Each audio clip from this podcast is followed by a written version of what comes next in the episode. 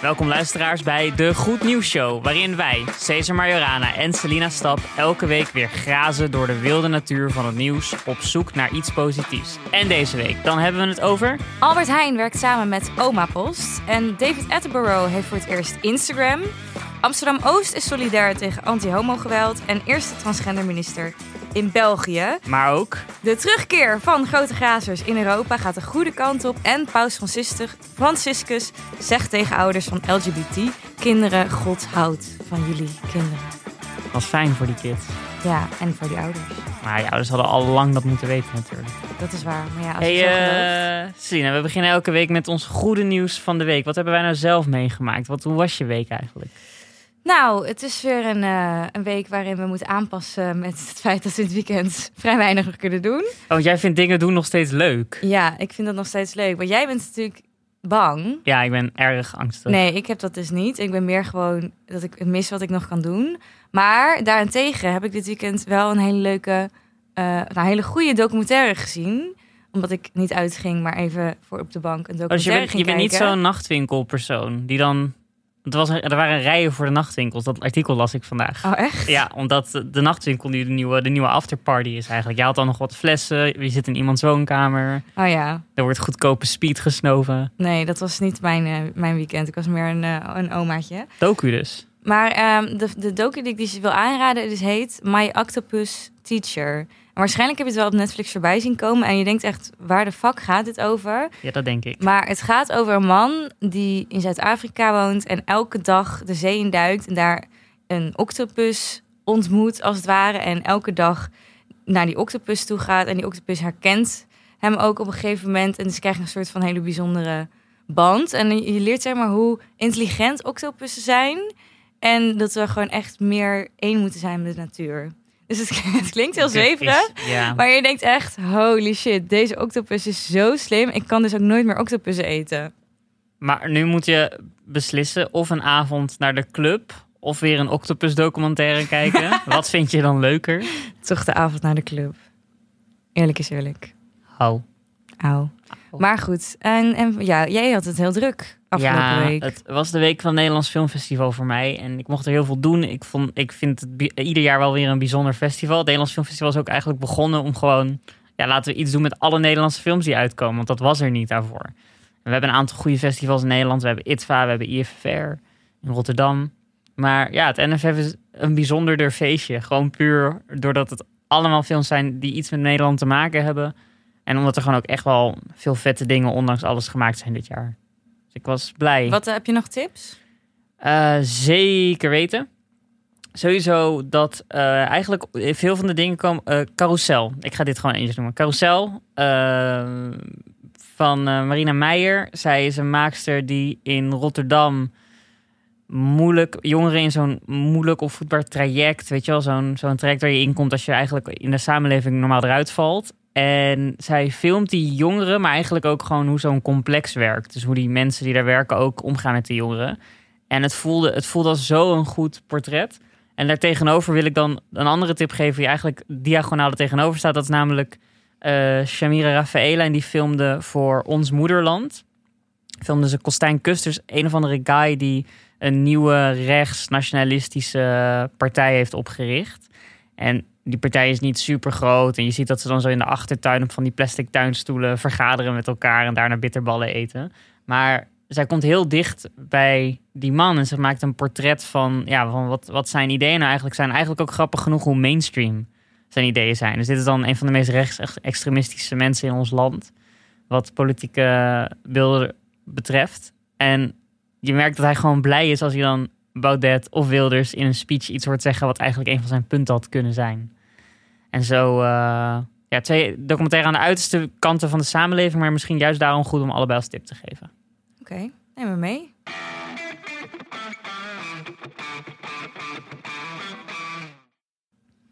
Dan gaan we naar het eerste korte goede nieuws. Ik ben eraan toe. Ja, en dat is dat David Attenborough Instagram heeft gejoind. Yes man. En hij heeft een record gezet. Namelijk, hij heeft in de kortste tijd ooit 1 miljoen volgers gekregen. En daarvoor was het eh, record bij Jennifer Aniston. Die het in de vijf uur ehm 1 miljoen volgers had. Nou, en hij heeft dat record eh, gebroken. Het is nu niet- 5,1 miljoen zeg. Ja, en nu heeft hij er 5,1 miljoen inderdaad. En nou ja, waarom is hij eh, op Instagram gegaan? Hij wil eigenlijk gewoon de generatie die hij misschien nog niet bereikt met zijn documentaires... ehm, ook wijzen op, eh, ja, op klimaat en wat we daaraan kunnen doen om dat te verbeteren. En ook om meer één te zijn met de natuur en eh, de natuur eh, te helpen waar, waar, waar kan. En over de aankomende weken gaat hij verschillende ja, eh, dingen opnemen waarin hij uitlegt wat de huidige problemen zijn in de wereld wat betreft natuur en hoe we ook die kunnen oplossen. Dus dat vind ik altijd wel fijn als mensen een probleem aanstippen, maar ook meteen aangeven hoe je dat zou kunnen oplossen. Ehm, dus nou, dat vond ik eigenlijk wel heel goed nieuws en heel slim om. Hij beheert die Instagram niet zelf. Er staat dan bij managed bij de filmmakers. Ja. Dus er zit gewoon, er zijn een paar stagiairs nu die op hun telefoon van hun eigen account elke dag wisselen naar het account van David Attenborough. Dat is toch sick als dat je baan is? Ik hoop ook dat ze op een dag een fout maken, toch? Dat was ooit een keer gebeurd met een account van, ja, volgens mij War Child. Of nee, voor, ja, volgens mij, ja, zo gewoon Doctors Without Borders, een NGO. Waar op een gegeven moment een van de stagiairs gewoon dronken was geworden. Vergeten was dat het niet zijn eigen account was, maar die aan het posten was. En dat hij allemaal foto's van flessen bier en een afterparty ergens in de Noordpool waar ze op missie waren. Nee, dat kan toch, dat wil je toch niet voor David Attenborough? Nou, Hij ik- is echt zo clean slate. Hij kan gewoon niks zout doen. maar wat, wat doet hij goed eigenlijk? Want hij, hij is gewoon voice-over, toch? Nee, hij maakt zelf ook wel echt heel veel natuurdocumentaires. Maar bedoel je, hij maakt die ook? Hij is toch Hij- gewoon hij de stem. gaat- In Amerika is Oprah Winfrey de stem. Ja, maar hij is niet alleen de stem. Hij, gaat echt, hij is heel vaak zelf de natuur ingegaan. Hij maakt echt zelf die docu's. Hij gaat gewoon zelf dan met een ploeg die, die natuur Ah, in. En dan gaat hij die dieren opzoeken. En daar gaat hij dan veel over vertellen. Maar hij is ook bekend, inderdaad, door zijn voice-overs. Maar eh, toen hij nog wat jonger was, jonger en fit... toen ging hij vaak zelf de natuur in. Maar hij is niet zoals Freek Vonk. Niet om te zeggen dat Freek Vonk cooler is, maar eigenlijk is Freek Vonk cooler, toch? Freek Vonk steekt wel zijn hand in de bek van een leeuw of zo. Ja, maar Freek Vonk maakt voor Zep. En dat is voor kinderen van elf. En David Attenborough is toch wel wat breder publiek. Dus Ja, hij is alleen cooler. Want ik, ik zou Freek Vonk ook 5,1 miljoen volgers gunnen.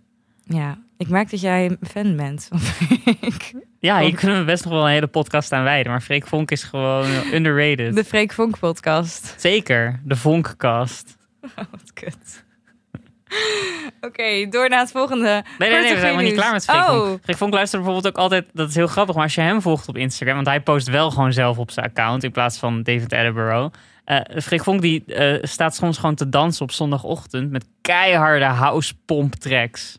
Hij is helemaal gek op van die rave muziek. Ja, maar ik denk dat hij, hij heeft mijn dikke ADHD, dat hij toch ergens energie aan kwijt moet. moet.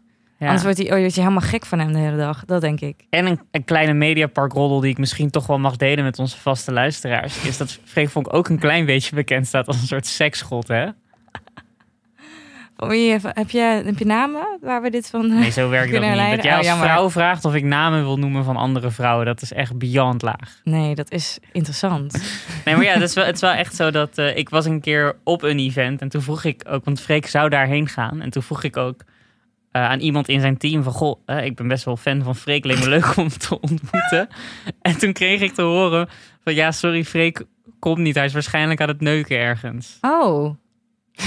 dat, is wel wat het team oprecht. zei. En ze waren ook niet ironisch. Ze waren gewoon van ja, we denken dat hij aan het neuken is ergens. Want hij had, hij had weer een, een, een vri- een vriendin die kwam overvliegen. Maar het feit dat hij veel seks heeft, betekent niet dat hij er ook goed in is. Laten we dat even Mooi, dat is elkaar. heel mooi. eh, ja. Misschien dat jij voor onze volgende aflevering een keer langs kan gaan.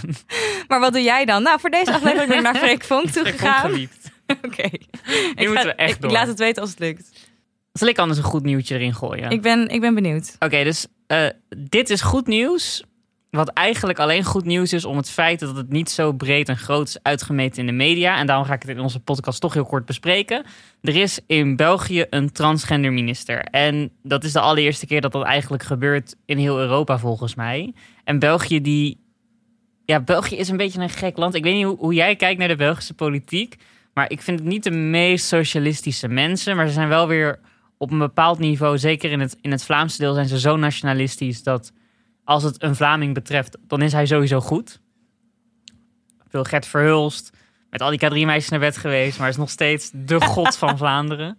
En ja, dus deze minister ook, niemand is er of over gevallen, of heeft, daar, eh, eh, of het heeft er een soort breed spektakel van gemaakt met wow, applaus, iedereen zijn vlag uit de deur hangen, want we hebben een transgender minister. Nee, nee, nee, helemaal niks daarvan. Dit gebeurde, het werd bijna niet opgemerkt en daarom moeten we het applaudisseren, want Petra de Sutter is eh, ja, gewoon als stille primeur in Europa de eerste transgender minister. Ja. Er staat hier ook als kop boven een artikel... Belgian milestone, a first trans minister and nobody cares. Maar dat is keihard. Dat is wat je wil. Echte gelijkheid is. Dat maakt me ook niet uit als het een hetero-minister is, namelijk. Nee, precies. Dus dat is juist. Het is aan de ene kant. Zou je kunnen zeggen, nou wat jammer dat er niet een groot ding van wordt gemaakt, want het is iets heel bijzonders. Maar aan de, want het is nog nooit gebeurd in Europa. Maar aan de andere kant is het juist ook weer mooi dat er niet zo'n groot ding voor wordt gemaakt en dat het als normaal wordt beschouwd. Wat natuurlijk ook gewoon zo is. Dus dat is wel tof hier aan. En daarom is het goed nieuws. Heel goed nieuws. Dan gaan wij naar het volgende goede nieuws. En dat is dat eh, Amsterdam-Oost solidair is met regenboogvlaggen tegen anti-homo-geweld. En ik denk dat eh, mensen in de omgeving Amsterdam dit wel hebben meegekregen. Maar mocht je nou niet in Amsterdam wonen, zal ik het eventjes eh, toelichten. De, eigenlijk de afgelopen maanden is er in eh, Amsterdam-Oost best wel veel problemen. Zijn er best wel veel problemen met anti-homo-geweld. Dat is op straat. Een aantal mensen die zijn lastiggevallen of ook inderdaad die aangevallen. jongen die die, die die mensen ging aanvallen. En die is er nu laatst weer vanaf gekomen met iets heel simpels. Omdat ze vonden dat het blijkbaar geen homohaat was. Ja, dat ze vonden dat het wel meeviel. Maar eh, in juli was er eh, voor het eerst... eh, had iemand een regenboogvlag hangen. En die werd toen bekogeld met eieren.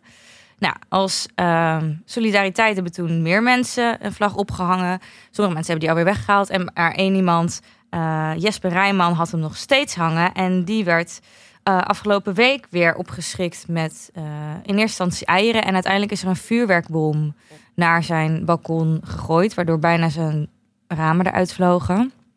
Wat natuurlijk super heftig is. Alleen omdat je een regenboogvlag hebt hangen. En dat staat voor homo-acceptatie. Ehm, Te weird. zo fucking weird. En er moet ook echt wel iets gaan veranderen in die, eh, ja, in die wijk. Maar ook überhaupt in Nederland. Om, die, eh, om te zorgen dat we dit soort belachelijke uitingen niet meer hebben. Maar heel Amsterdam-Oost en zijn buurt hangt dus nu vol met regenboogvlaggen weer. Om solidair te zijn met hem en alle mensen waarbij het elke keer toch Dus weer nu zijn er heel misgaat. veel vuurwerkbommen nodig. dus of ze moeten heel veel vuurwerkbommen gaan gooien. Of ze denken gewoon, oh, nu is het te moeilijk, laat maar. Want in juli had zelf, had, of juli, augustus, had de gemeente eh, Huis in Oost had ook al een hele grote regenboogvlag opgehangen. Om ook solidair te zijn met Maar het het grappig geweld. dat het zo'n symbolisch protest is geworden. Dat het echt nu om de vlaggen gaat. Ja, maar ook wel weer heel mooi dat, dat je meteen heel visueel krijgt hoeveel mensen solidair zijn met, met, met, met, met elkaar en met dit probleem. Waar ik benieuwd naar ben, is wordt er nog wel eens gewerkt met lokhomo's? Dat was toch een, een tijd lang een soort pilot? Lokhomo? Ja, dus dat dan mensen hand in hand gingen lopen op straat. Maar dat waren dan agenten in burger. Oh. En als je dan daar die mensen ging lastigvallen en het ging een bepaalde grens over, dan kon je meteen worden. Volgens mij mag dat niet, want je mag als politie toch niet dingen uitlokken. Maar lok je het uit door handen vast te houden. Ja, ik denk dat dat misschien wel zo gezien kan worden. Niet dat ik dat vind, maar je doet iets wat normaal niet zo Ja. zou zijn en daardoor komt een reactie erop. Ik ga toch even opzoeken hoe dit ook alweer zit. De lok. Ik, want ik voel dat dit in Amsterdam Oost. We gaan echt terug in de tijd als we er niet direct iets aan doen. Daarom. Dus regenboogvlaggen, top en spreek je uit tegen anti-homo geweld. Dat sowieso. Ik heb ehm, goed nieuws dat gaat over ouderen. Niet over David Attenborough, maar gewoon over onze eigen opa's en oma's. Want bekend is dat veel ouderen in Nederland eenzaam zijn. Dat het een groeiend probleem is. Daar zag ik laatst een campagne over en dacht ik, oh ja, er gaat, er gaat weer iets gebeuren daaromheen. Namelijk de week tegen de, eh, hoe noemen we dat ook alweer? Is dat de week tegen de eenzaamheid? Eenzaamheid? Heet het gewoon zo? Ja, het is wel echt de week tegen eenzaamheid. En die week is nu bezig. En die week is een kans voor iedereen om even stil te staan bij één, dat het een probleem is. Maar ook twee, wat kan ik eraan doen in mijn eigen wijk? Of in mijn eigen opa's en oma's of wat dan ook. En ik heb een vriend, Wilbert van der Kamp. En die is ooit een start-upje begonnen. En ik zeg start-up en dan denk je meteen aan een techbedrijf. Maar het is eigenlijk gewoon hij die een heel goed idee had. Namelijk, we posten super graag foto's op Instagram. Die foto's zijn onze post eigenlijk aan elkaar, aan al onze vrienden. in de vroegere jaren, in de jaren 30, moest je iedereen bellen om te zeggen wat je gegeten had. En nu kan je gewoon één foto plaatsen in je story. Ja, want toen belde je natuurlijk Toen belde iedereen. iedereen. Dan moest je zeggen van nou, je raadt nooit wat voor stamppot ik had. maar goed, eh, die, deze vriend Wilbert die heeft een, die bedacht van ja, als we dat zo makkelijk vanaf onze telefoons kunnen doen, dan kunnen we eigenlijk ook heel makkelijk, dan zouden we makkelijk kaartjes moeten kunnen versturen. Dus hij ging, eh, hij be- bedacht een platform en het heet omapost.nl en daar kun je dus heel makkelijk vanuit je Instagram feed als je wil, maar anders gewoon vanaf je telefoon een foto kiezen. Zij printen het op een kaartje en jij schrijft een tekstje en dat gaat naar je opa of oma toe. En het is zo leuk om te doen. Dus ik doe het best wel vaak, omdat ik dan, als ik die website weer ergens tussen mijn tabbladen op mijn telefoon zie staan, denk ik, oh ja, het is al lang geleden dat ik geen kaartje heb gestuurd. La- laat ik een kaartje sturen. Wat leuk. En het gemak ervan is heel, is heel handig. Maar het leuke is ook dat zij constant bezig zijn om gewoon ouderen in Nederland eh, te verrassen met een kaartje. Dus zij gaan, ze sturen kaartjes naar allerlei plekken toe. En nu hebben ze een samenwerking met de grote supermarktketen, met Albertijn. En de Albertijn heeft gezegd, joh, jullie mogen van, van jullie oma-post mogen jullie een stand bouwen. En die komen dan in 192 verschillende Albertijns in Nederland deze week. En dan kun je dan bij die stand gratis, belangrijk voor Nederlanders, gratis, een kaartje sturen. Naar een opa of oma, een bejaarde, die daar zin in heeft. Wat lief. Ja, het is leuk. Ik vind het, ik, het is echt zo'n hele effectieve oplossing op een probleem wat natuurlijk eigenlijk wel complex is. Want het gaat heel erg om, weet je wel, wat zijn nog socialiserende instituten voor bejaarden. Zeker nu met corona en hoe eh, je kan niet zomaar overal weer bingoen. Ik ben één keer naar zo'n bingoavond geweest hier in Amsterdam. En toen kwam ik achter dat er bijvoorbeeld echt van die bingo-gemeenschappen zijn van bejaarden die elkaar actief houden. Die gaan gewoon naar vier, vijf bingo's per week. Ook met de bus en zo. Gaan ze naar eentje in Alkmaar met z'n allen, worden ze opgehaald 's ochtends. Echt, dat is een hele industrie. Maar goed, die mensen zijn eenzaam, die hebben het zeker in deze tijd moeilijk. En ze verdienen allemaal een kaartje, zou ik zeggen. Dus Ja, check, en het is eh, coronaproof. Daarom. Dus check omapost.nl. Ja, inderdaad, want je kan op een kaartje kun je nog hoesten en het dan versturen dat er misschien nog bacteriën op zitten. Dat ben jij er natuurlijk er bang voor. Maar nu wordt het gewoon geprint en dan krijgt het digitaal een stickertje en dan gaat het gewoon hop. Ja. Nou, dat is dan iets wat we sowieso even gaan doen. Jij hebt het al gedaan, maar eh ik Ja, doe het even, omapost. Het is heel makkelijk. En zet het in de show notes. Dan kan Ja. iedereen het even eh, vinden.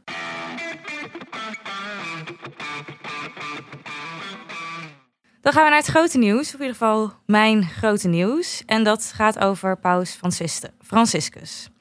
Want Paus Franciscus heeft namelijk tegen een groep ouders van LGBTQ-kinderen gezegd... queer kinderen doe ik even om makkelijker uit te spreken...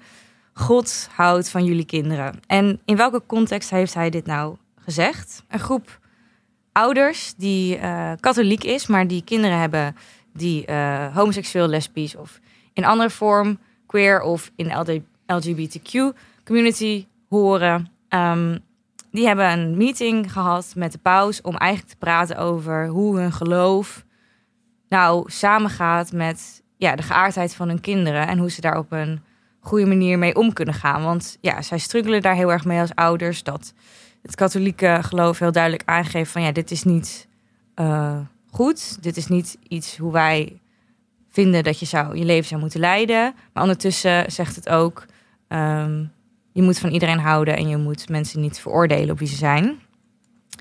En wat denkt de paus daar dan eigenlijk over? Dat was wat ze willen weten. En dat is ook wel een logische vraag, want uh, in het verleden zijn pauzen altijd best wel uh, duidelijk geweest in dat zij uh, wel anti-homo waren en anti-andere geaardheden dan, dan homoseksualiteit. De vorige paus, Benedictus, die had nog in 2005 gezegd um, dat bijvoorbeeld mensen die priester zouden willen worden en die homoseksuele neigingen hebben, dat die niet uh, worden toegelaten om priester te worden. En ook in andere vormen heeft hij zich duidelijk uitgelaten tegen het zijn van homo. Of andere vorm van geaardheid die, wij, die niet heteroseksueel is. En nou heeft Paus Franciscus dus met die ouders gezeten en heeft gezegd... Uh, ik kan het in Nederland zeggen, maar ik doe het even. De Engelse quote. God loves your children as they are. And that there's a place in the church for them. The church loves your children as they are... because they are children of God. Dus eigenlijk zegt hij: Oké, okay, um, ik um, ben niet anti-homo. Ik ben niet Mhm. anti-andere geaardheid dan heteroseksualiteit. Maar ik vind dat jullie kinderen moeten accepteren voor wie ze zijn. Want God houdt ook van jullie kinderen zoals ze zijn. En dat is dus echt wel een best wel groot statement wat hij maakt. Want binnen het katholieke geloof merk je dat er juist weer heel veel eh, struggles zijn met acceptatie van homo's Zou in deze zou je- wereld. je zou hopen eigenlijk dat hij dan zegt van... Alle homo's naar de hel. Punt. Ja, Want dit is ook weer... Het is ook wel weer een soort... Ja, maar goed. Ja, de paus moet verbinden. Maar ik vind het zo gek dat, hij, dat het zo... Het is eigenlijk een babystapje. En ik snap dat we ervoor moeten klappen. Maar damn, man. ja. Dat, die, dat die ouders het ook van de paus moeten horen. Want je anders je eigen kind niet naar de kerk meeneemt. nee. En, en dus zelf erg in twijfel bent over je geloof en of je je kind wel kan accepteren. Wat natuurlijk best wel fucked up is. Want ik denk dat je als ouder, no matter what, je kinderen moet accepteren. Ehm, maar er zijn bijvoorbeeld aantal, want ik ben hier nog wat verder ingedoken van ja, wat, wat, zegt, de, wat zegt het katholieke geloof nou echt? Wat, hoe heeft het hiervoor erin gestaan tegen eh, homoseksualiteit?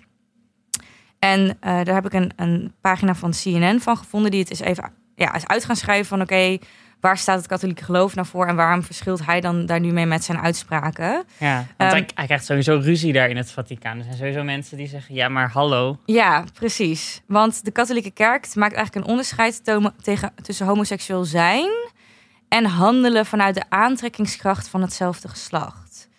Dus een over homoseksualiteit om het te zijn, zijn ze per se, niet per se heel eh, anti tegen. Maar het feit als je naar handelt, dan zeggen ze dat is in strijd met de natuurwet. En dat wordt onder geen enkele omstandigheid goedgekeurd. Ehm, dus dat is nogal een soort grijs begrip Dat, van... zei hij dat meteen daarna? Of? Nee, nee, nee. Dit is zeg maar van tevoren als statement zijn geweest vanuit de katholieke kerk over eh, homoseksualiteit. Ehm, maar aan de andere kant wordt ook gezegd: homoseksuele mannen en vrouwen moeten worden aanvaard met respect, mededogen en gevoeligheid. Elk teken van onrechtvaardige discriminatie in hun opzicht moet worden vermeden. Dus nou ja, oké, je mag niet handelen naar je homoseksualiteit, maar je moet wel respect krijgen als je dat dus bent, maar niet doet. Ja, het zijn hele vage ehm, Ik vind het te weinig begrippen. En Ja. ja. het probleem is ook dat hij wordt van links en rechts dus nu heel erg bekritiseerd in zijn eigen kerk. Want ehm, aan de ene kant zegt hij: ehm, God houdt van je en de kerk heet je welkom. En wij denken ook dat de beste manier om te leven eigenlijk heteroseksueel is. En dat is natuurlijk dat is een contradictie die gewoon niet echt met elkaar samengaat. Dus eigenlijk zou die zich nog, nog meer over uit kunnen spreken. Maar het feit dat hij überhaupt nu al zegt binnen de katholieke kerk als paus zijnde tegen die ouders van eh, homoseksuele kinderen. God houdt van jullie kinderen zoals ze zijn. Ik denk dat dat wel een stap is naar een goede richting om uiteindelijk meer acceptatie te krijgen. Helemaal met het anti-homo geweld wat het laatste jaar ook weer opleidt. En ook nu, waar we natuurlijk een tijdje geleden over hadden in Polen met die eh, anti-homo eh, zones. Dat als de paus aangeeft van binnen het katholieke geloof is daar wel ruimte voor. Dat dat ja, Het zou iets kunnen uitmaken. zou iets kunnen De grote vraag is natuurlijk, is niet al dit homo-geweld en al deze homo-haat, is het niet omdat het een andere agenda dient dan, ik bedoel, toevallig komt het overeen met christelijke waarden en normen, of met bepaalde katholieke waarden en normen, maar is er niet een grotere agenda? Ik bedoel, het ook een beetje, bijvoorbeeld in Amerika merk je dat veel van de anti-queer sentimenten vooral ook belangrijk zijn voor republikeinen, want ze heel graag willen dat alles wat in een liberale samenleving, of wat, wat socialisten leuk vinden in Amerika, dat dat in ieder geval zo klein mogelijk, zo gemarginaliseerd mogelijk blijft. Ja, Zij willen gewoon geen LGBT eh, eh, docent voor de klas van hun kinderen. En dat is niet per se omdat ze daar volgens mij zo super op tegen omdat ze zo christelijk zijn, maar ook omdat ze gewoon een hekel hebben aan alles wat riekt naar links of naar. ja, ja, het is natuurlijk een manier om eh, groepen waar, die het waarschijnlijk niet met jou eens zijn, onder de duim te houden. Dat is natuurlijk ook waarom eh, veel christelijke waarden, als dat, eh, waarin vrouwen natuurlijk worden gemarginaliseerd, dat die minder belangrijk zijn dan, dan mannen. Dat is ook niet, heb ik het idee, alleen meegaan dat het zo in de Bijbel staat, dat een vrouw zo moet leiden, maar ook omdat het gewoon wel toevallig handig uitkomt voor mannen, dat ze dat even kunnen aangrijpen om zelf daarin machtiger uit te komen. Dus ja, daar heb je zeker wel een punt. Maar het feit dat hij dit dus heeft gezegd, is wel echt een stap in de goede richting. Want Dat op zo. deze manier heeft een paus dat nog nooit gezegd. En ik hoop dat hij eh, daarin mee een lijn doortrekt die eh, naar meer acceptatie eh, toe gaat.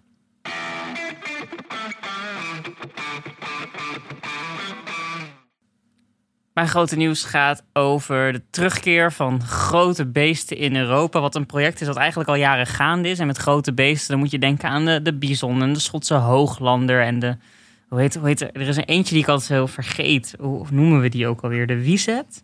De Wieset? Wat is een De Wieset? Wiesent. De Wiesent? Daar Ja. heb ik nog nooit van gehoord. Dat is een Europese bison. Kijk, dit, dit, Oh ja, ik zie hem. dit. Oh, mooi. Hij was even uitgestorven. Dat geldt eigenlijk voor, voor een groot deel van de bisonpopulatie. Want er eh, waren er op een gegeven moment maar zo weinig. In 1927 stierf bijvoorbeeld de laatste Europese bison in het wild.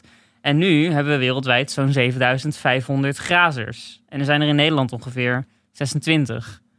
En dit hele ding komt, en het is een, een vet voorbeeld van wat kun je nou als samenleving doen, zeker als het grote Europa, om te zorgen dat het en goed gaat met de dieren en de natuur, maar ook dat mensen eh, die de ruimte geven en dat iedereen voelt van oké, maar dit is belangrijk, dit is urgent. En nou, een deel daarvan is, een, is, is, is gewoon keiharde maatregelen nemen.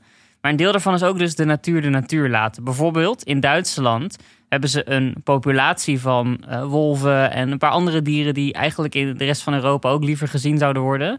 En wat ze dan doen is ze laten die rond, los rond in een natuurgebied lopen. En dan kijken ze gewoon van, goh, waar gaat dat dier uit zichzelf heen? En dan, nou, dan loopt hij naar Polen toe en dan fixen ze in Polen dat er gewoon een stukje natuurreservaat komt voor dat dier. En het is allemaal met oog op de toekomst gedaan.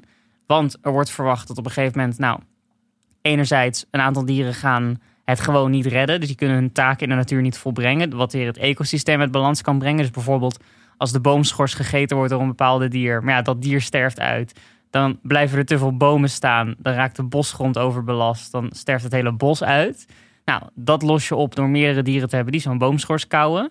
Ehm, eh, maar maar twee, de tweede kant van, van deze oplossing is ook dat op een gegeven moment gewoon veel van de industrie rondom dieren en rondom natuur niet super houdbaar zal zijn voor wat de samenleving nodig heeft. En dan is het fijn als we deze gebieden kunnen bewaren als natuurreservaat in plaats van dat ze landbouwgrond worden of weet je al dat, dat al die projecten zijn tijdelijk en een natuurreservaat kun je zo lang als je wil in stand houden. Maar wat heeft het nodig? Nou, het heeft een zetje nodig van de samenleving. In de afgelopen jaren is dat zetje er best wel veel geweest. Je hebt best wel veel groepen voor de conservatie van dieren. In Nederland zien we dat dat best wel goed gaat. Omdat ja, ik, ik kom ze in wandelgebieden ook gewoon veel tegen. Ik ben nu iets meer aan het wandelen in mijn leven. Omdat ja, de club is dicht. Mhm. En dan, ik, hoe vaak, ik kom gewoon best wel veel plekken waarvan ik niet wist dat ze er waren. kom ik inderdaad Schotse hooglanders tegen. Die daar gewoon aan het chillen zijn. En Waar doet- loop jij dan? doet mij heel goed. Nou, de laatste keer was dus in, in eh, Brabant met mijn schoonouders.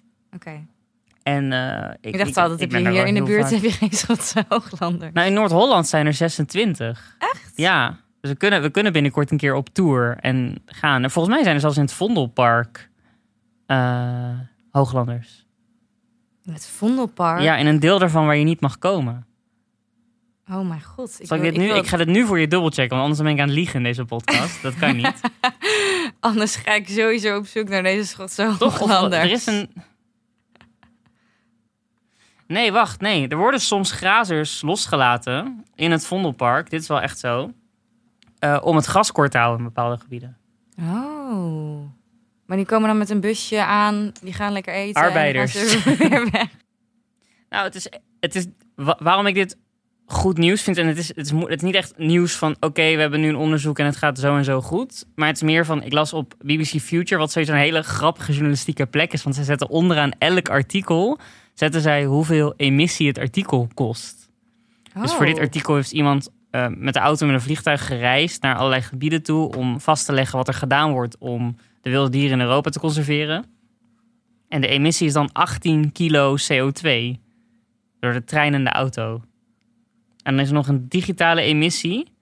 En dat is 1,2 gram tot 3,6 gram CO2 per pageview. En dat heeft dan weer te maken met de servers die Maar dan denk in je een eigenlijk, dan moet ik er dus niet op kijken. Want dan ben ik dus weer vervuilend bezig. Nou, die 1,2 gram is volgens mij te overzien. Maar die 18 kilo CO2, die moet dan gecompenseerd worden. Ja, maar ik. doen ze dat dan? Nou, ik denk dat het activisme zit hem überhaupt in gewoon dat rapporteren. Dat, het staat niet in de krant. Maar ik ben eigenlijk wel benieuwd wat zo'n volkskrant elke ochtend op je mat... wat dat nou uitmaakt. Niet, niet dat je dat niet moet doen dan. Maar gewoon... We hebben bij alle producten hebben we gezondheidsinfo. Maar het is wel grappig om ook labels van... hoeveel emissie het nou kost om iets te produceren erbij zouden zitten. Maar terug naar waar het artikel over gaat. We hebben Grote weer... wilde dieren in grote Europa. En je ziet ze ook. Ja, en het is, het is goed dat ze er zijn. We hebben hier in Nederland nog een klein beetje soort issues met of we wel of niet de wolf doodschieten. Ja, je moet het echt niet doen. Ja, maar ook weer wel, want het is ook weer een kwelling als er te veel zijn. En dat is een veel moeilijker gesprek. Maar überhaupt dat we het geluk hebben dat er gewoon conservatie is van deze grote dieren. En bijvoorbeeld, nou, vanaf 1927 was eigenlijk dus de bison uitgestorven en die is er gewoon weer. Dat is heel bijzonder.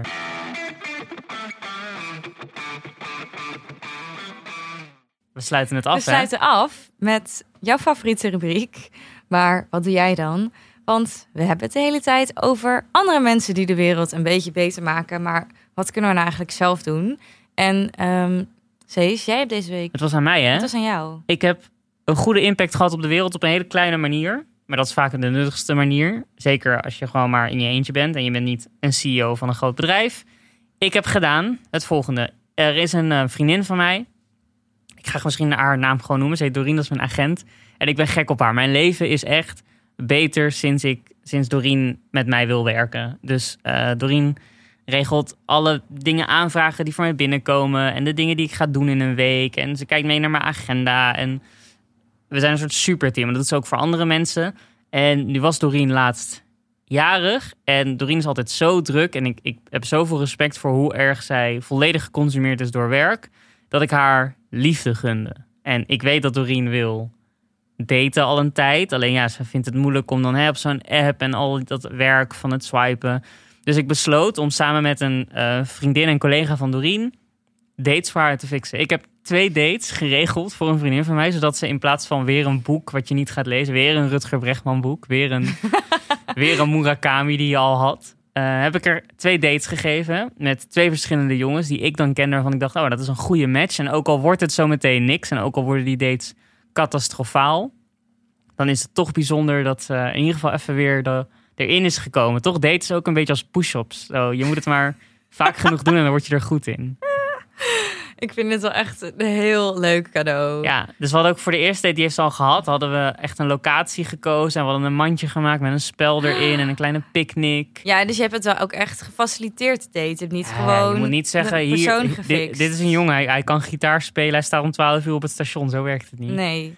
Nee, het, het was veel, hoop ik, bijzonder dan dat. Ze vonden het vond volgens mij allebei leuk. Maar, ik en maar wat was dus eens, eerst was het een soort picknick die je had en wat was de andere date met die andere persoon? en daarna gaan ze door naar een, daarna gingen ze nog door naar een café waar wij dan al de drankjes hadden betaald. Maar ze had toch twee dates? Maar ja, die tweede date, daar, die is nog onder constructie, maar het wordt een culturelere date. Oké. En was de vonk al een beetje overgeslagen de eerste keer? Want dan ben ik nu wel benieuwd. Ja, ik kan daar in deze podcast niet te veel over uitweiden, want de persoon met wie ze op date ging is volgens mij ook een luisteraar. Eh, dus ik ga het kort houden. Het was volgens mij een prima date. Oké. nou, ik vind het wel een heel mooi gegeven. Ik vind het een origineel cadeau. En zelf als single zou ik het echt heel grappig en leuk vinden om te krijgen. ja, toch? Ja, ook al is het gewoon, ook al slaat de vonk niet over, het is gewoon grappig om iemand zo te leren kennen en je hebt weer wel wat meegemaakt. Het is wel weer een ervaring. Dat vind ik dan wel leuk. Ik vind het sowieso leuker om ervaringen te krijgen als cadeau dan om spullen te krijgen. Dus dit is wel echt een leuke, leuk. Ja, ik vind het leuk. Merci, merci. En ik kan het dus iedereen aanraden. Is, dit was heel makkelijk te regelen eigenlijk. Ik weet wie van mijn vrienden single zijn. Ik weet wie ik goed bij elkaar vind passen. Ik probeer sowieso door het jaar heen altijd al mijn vrienden met elkaar naar bed te laten gaan of zo. Want ik weet niet, het voelt gewoon alsof mijn leven dan ook nut heeft. Als iedereen nu een beetje verliefd kan worden. En, eh, Hallo, waarom ben ik niet in het rijtje opgenomen? Wat fuck is dit? Ik heb eh, vijf, eh, vijf namen voor je klaarstaan. We gaan straks praten. Top. Nou, dan zijn we aan het einde gekomen van onze aflevering. Je kan ons op verschillende manieren steunen. Dat kan om ons te volgen op Instagram. Vinden we heel leuk als je dat doet. Ehm, je kan een recensie achterlaten op iTunes. En ik heb dus recent van iemand vernomen dat hij nog nooit de show notes heeft gezien. Terwijl hij dat wel graag zou willen zien. Omdat je in bepaalde podcast-apps de show notes niet kan lezen. En dat zijn dus eigenlijk alle linkjes naar de artikelen die wij hebben gebruikt voor onze podcast. Dus wil je daar nou meer over lezen? Heb je nou interesse naar waar we ons nieuws nou vandaan halen? Kijk dan op onze Vriend van de Show pagina, want daar staan ook alle show notes. Mocht je nou niet in je podcast app de show notes kunnen lezen. En je kan ons natuurlijk ook mailen en dat kan naar degoednieuwsshow.gmail.com. Vinden we leuk. Heb ik alles gezegd nu? Ja, dit was echt alles. En de rest ons alleen nog maar te zeggen tot de volgende. Tot de volgende.